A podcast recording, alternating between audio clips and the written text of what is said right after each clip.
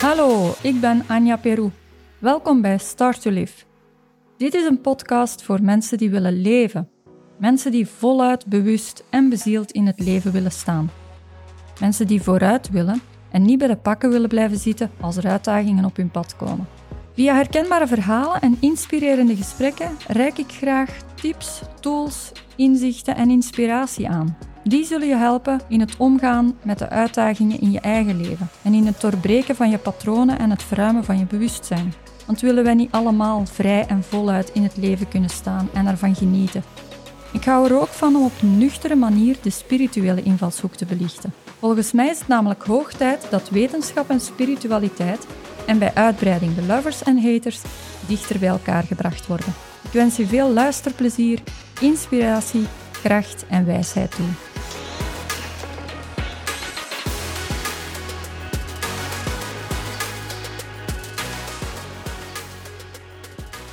Hallo.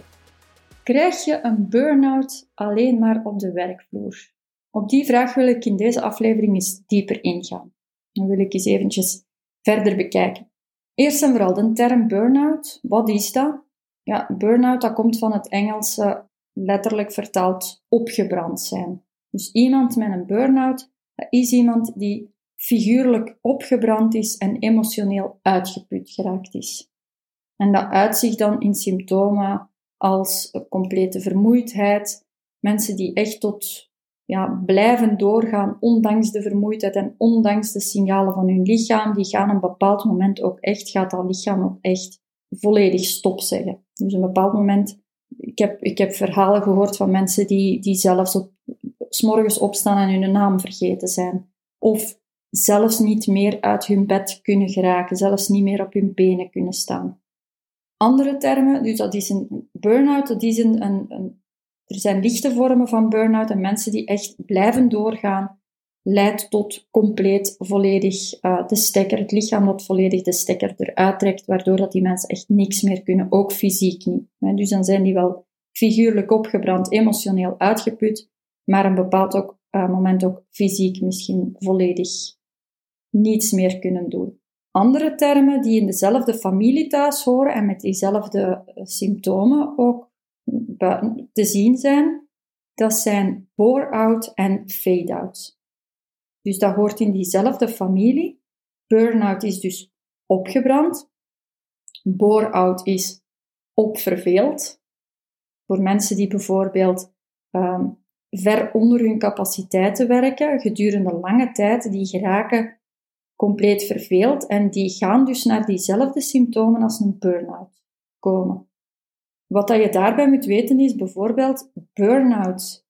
Opgebrand zijn, uh, burn-out is voor mensen die gedurende lange tijd veel te veel prikkels hebben moeten verdragen, dus die, die hun, brein of, of hun lichaam heeft veel te veel, veel te lang overprikkeld geweest.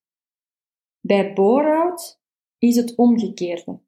Bij bore-out is het veel te lang, veel te weinig prikkels. Wat je moet weten is dat ons lichaam of ons, ons brein sowieso minstens prikkels nodig heeft. dus zonder prikkels zijn of te weinig prikkels hebben is ook niet gezond. Te veel is niet goed, te weinig is niet goed. Alles met te is niet goed. Dus bore is veel te lang, veel te weinig prikkels gekregen hebben, waardoor dat je op diezelfde symptomen als een burn-out uitkomt. En de andere term die ik noemde was fade-out. Fade-out, dat is dat je, um, dat je ja, weggeveegd dreigt te worden. Fade-out, of dat je, dat je verdwenen lijkt te raken. Wat betekent fade-out? Fade-out, dat betekent als je veel te lang, um, dat, dat is dan naar de werkvloer vertaald, veel te lang uit, de circulatie bent. Dus als je veel te lang thuis gezeten hebt en niet met de collega's of niet geïntegreerd uh, bent, dat, je, dat het veel langer of veel moeilijker wordt om terug te keren en om terug te integreren in het plaatje. Fade-out is dus als je veel te lang van de werkvloer weg geweest bent en dat het heel moeilijk is om terug te keren.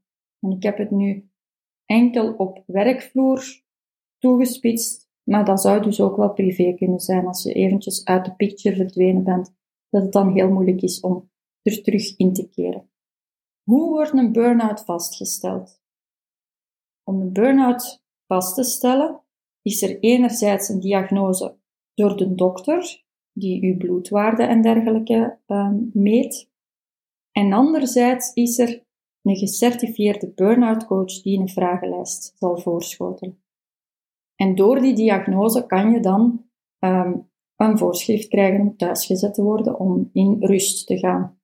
Nu, er is iets bijzonders aan die vragenlijst van die gecertificeerde burn-out coach. Het bijzondere wat je eraan moet weten is, die vragenlijst, die bevat alleen werkgerelateerde vragen. Dat is wel zot, hè? Dus in die zin gaat dus blijken dat je burn-out alleen maar op de werkvloer kunt opdoen. Door de vragenlijst, er gaat niet eens gepolst worden naar je privésituatie, worden alleen werkgerelateerde vragen gesteld, waardoor dat je dus alleen maar een burn-out, zo gezegd, op de werkvloer kunt krijgen. Ah ja, want er wordt geen rekening gehouden met vragen richting de privé. Daar zit voor mij dus om te beginnen al een belangrijke reden waarom dat ik mijzelf geen burn-out coach wil noemen, dat ik die, die route niet ingeslagen ben om gecertificeerde burn-out coach te worden. Want dat is voor, voor mij dan, moet vanuit mezelf spreken, voor mij is dat gewoon een te bekrompen en beperkte manier van kijken naar het verhaal. Als je een vragenlijst voorschotelt waarmee dat er dat maar, eh, maar in één domein gekeken wordt, ja, dat is te beperkt. En voor mij is het interessanter om veel ruimer te kijken. Want er zijn mensen die ook in burn-out kunnen komen door hun privésituatie. En natuurlijk kan dat niet vastgesteld worden, er is geen diagnose, want die vragenlijst gaat daar niet naar polsen. Maar die mensen hebben wel diezelfde symptomen en die hebben wel diezelfde opgebrandheid. Wat zijn dan concrete voorbeelden daarvoor? als, om, vooraleer ik naar de voorbeelden ga, die mensen die in een burn-out komen door hun privésituatie, ja, die willen nu net niet voorgeschreven worden om thuisgezet te worden van hun werk, want het is op hun werk dat ze nu net nog wel een beetje ertussenuit zijn en een beetje energie kunnen opdoen. Dus daar is eigenlijk het slechtste dat kan gebeuren, is dat ze thuisgezet worden. Voorbeelden daarvan zijn voor mij een zwaar scheidingsproces bijvoorbeeld. Mensen die door een heel zwaar scheidingsproces gaan en die daar compleet een, een energielek hebben, waar, waarbij ze compleet opgevreten worden van de stress, ja, die kunnen dan op een bepaald moment, als richting het einde van dat scheidingsproces, of als dat veel te lang duurt, kunnen die gewoon oververmoeid en over, overprikkeld zijn en burn-out symptomen hebben. Of bijvoorbeeld mensen die in een relatie zitten waar dat ze echt een energievretende partner hebben, waar dat ze al jaren van proberen te scheiden en het maar niet lijkt te lukken. Ik heb ooit zo iemand geweten die zei, ik ben al drie jaar aan het proberen te scheiden, mijn eh, partner tyranniseert mij, um, die, doet het, die doet het allemaal gewoon op de lange baan uitduren. Ik heb al uitgesproken dat ik wil scheiden, maar die lijkt maar niet mee te werken of die wil gewoon niet meewerken, waardoor dat het maar niet lukt en dat we nog altijd onder datzelfde dak wonen. En dat ik slechte nachten heb en dat ik al drie jaar lang amper slaap. Dat is een voorbeeld. Of mensen in samengestelde gezinnen. De zorg voor de kinderen of de stiefkinderen die volledig op hun schouders valt en waar dat ze geen energie van terugkrijgen, waardoor dat ze snel opgebrand raken. Dus dat zijn voorbeelden van mensen die in privé opgebrand raken en die dan in diezelfde symptomen zitten, maar waarbij dat het niet vastgesteld kan worden en die dan ook niet geholpen, zich niet geholpen kunnen voelen. Of die in een, zware zoektocht zitten. Wat is er volgens mij nodig bij burn-out, bij mensen die opgebrand zijn, of de pour-out of de fade-out bij uitbreiding? De vaststelling van een dokter is interessant om, om vast te stellen dat de energie op is, je voelt dat natuurlijk zelf ook wel, maar de vaststelling van de dokter die kan helpen om uh, een voorschrift te krijgen, een doktersvoorschrift te krijgen.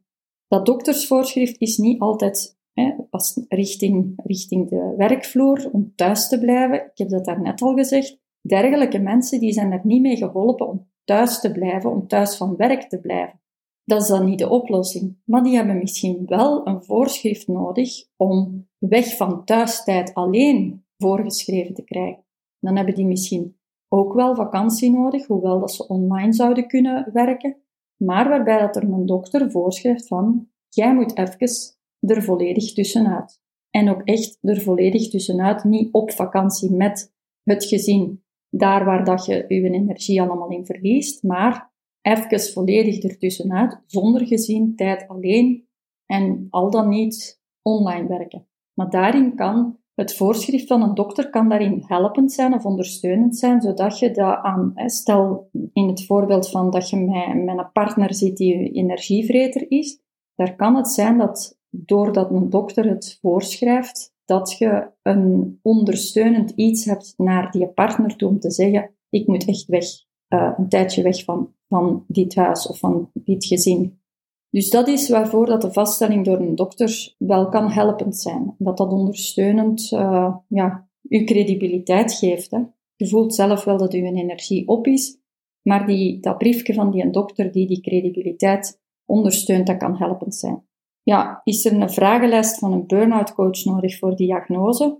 Ja, als je, als je privé opgebrand bent, die vragenlijst die gaat niet veel nut uh, hebben, die gaat niet veel interessants te bieden hebben. Maar als jij houdt van vragenlijstjes, ja, oké dan, vul dan een vragenlijstje in. Het belangrijkste is, of belangrijker wat mij betreft, is ga in gesprek met een coach waarbij dat je de match voelt. Een goede coach die helpt u zelf wel te voelen waar dat uw echte energielekken zitten. Als je door je coach ondersteund wordt om te gaan bewuster worden van jezelf, van waar zit mijn energielek, waar zit dat precies en wat is wat ik nodig heb, waar krijg ik wel energie van. Als jij, als jij de match voelt met je coach en je coach die gaat u daarmee naartoe helpen, dan gaat je heel snel terug wel in een andere switch gaan geraken. En het kan dan wel zijn dat rust kan helpen. Er wordt altijd gezegd, mensen met burn-out die moeten rust hebben, die moeten heel veel rusten, die moeten veel slapen, die mogen hun lichaam niet meer belasten.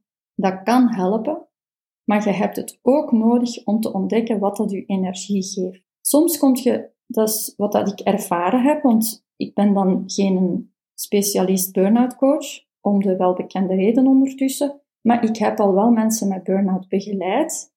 En daar heb ik bij vastgesteld dat die soms sneller rechtveren uit een uh, burn-out door bezig te zijn met wat dat hun energie geeft. Zo heb ik ooit met iemand die in burn-out zat, die moest ja, weken of zelfs maanden wachten voordat hij bij een gecertificeerde burn-out coach terecht kon ja, die is dan daardoor sneller bij mij terechtgekomen. En we zijn aan de slag gegaan, maar door in de oefening te gaan, is die persoon plots beginnen ontdekken van, hé, hey, maar schrijven, dat geeft mij energie. En, en door, door in zelfreflectie te gaan en, en met die persoonlijke ontwikkeling bezig te zijn, voel ik, ik terug de energie opkomen. En hier, dit is iets wat ik vroeger als kind heel graag deed. En wat ik gewoon even in de, wat in de vergeethoek geraakt is, maar ik ben heel graag bezig met verhalen en dergelijke meer. En die persoon is terug beginnen schrijven en verhaal beginnen maken of met verhalen bezig zijn. En die voelde terug veel sneller de energie terugstromen. En die had misschien, dat weten we natuurlijk niet met zekerheid, maar misschien had die, als die effectief burn-out voorschrift had gekregen en het voorschrift had gekregen van totaal platte rust en liggen en slapen, soms worden mensen daar nog vermoeider van, of nog meer uh, in die negatieve spiraal, of nog meer in de overtuiging dat de energie echt op is. Want dat begint ook vanuit mindset. Ik heb nog een ander voorbeeld gehad van, van iemand waar dat de dokter ook zei van, jij mocht jezelf echt niet, um, jij mocht niet aan sport doen, jij mocht niks, jij mocht echt niks doen om je lichaam te sparen. Maar die persoon voelde van, ja, maar door gewoon te kunnen bewegen, door door lichte beweging te kunnen doen, dat geeft mij nu net energie. Elke keer dat ik een beetje sport ga doen, voel ik mij beter. Dus ja, dan als die persoon voelt dat hij daar nu net zich beter door voelt, waarom zou je dat dan gaan wegnemen? En die persoon die is dat dan ook blijven doen. Daar heb ik alleen als coach meegegeven van kijk, luister heel goed naar je lichaam. Dus als je lichaam moe is, pak dan rust. Maak uw belasting van uw lichaam niet te zwaar. Maar als jij wil gaan bewegen, Beweeg. Ga dan wandelen. Ga, er geen, ga, er, ga geen marathon doen, maar maak het allemaal wat lichter voor jezelf. Maar als je voelt dat je van beweging energie krijgt, beweeg. En wat ik ook meegeef aan mensen met een burn-out, dat is waar velen zo... Ik, ik, ik hoor wel regelmatig mensen na een burn-out dat ze dankbaar zijn. Wat ik meegeef aan mensen met een burn-out, dat is dat ze eigenlijk dankbaar moeten zijn om de burn-out. Waarom? Je kunt dan wel zeggen van, moeten daar dankbaar voor zijn. Wel, mensen die een burn-out of een bore-out of een fade-out doorgemaakt hebben, die hebben eigenlijk een cadeau gekregen. In de zin van, dat op dat moment voelt dat absoluut niet als een cadeau, dus ik ben het hier nu niet aan het, aan het wegrelativeren. Op dat moment zelf voelt dat niet als een cadeau.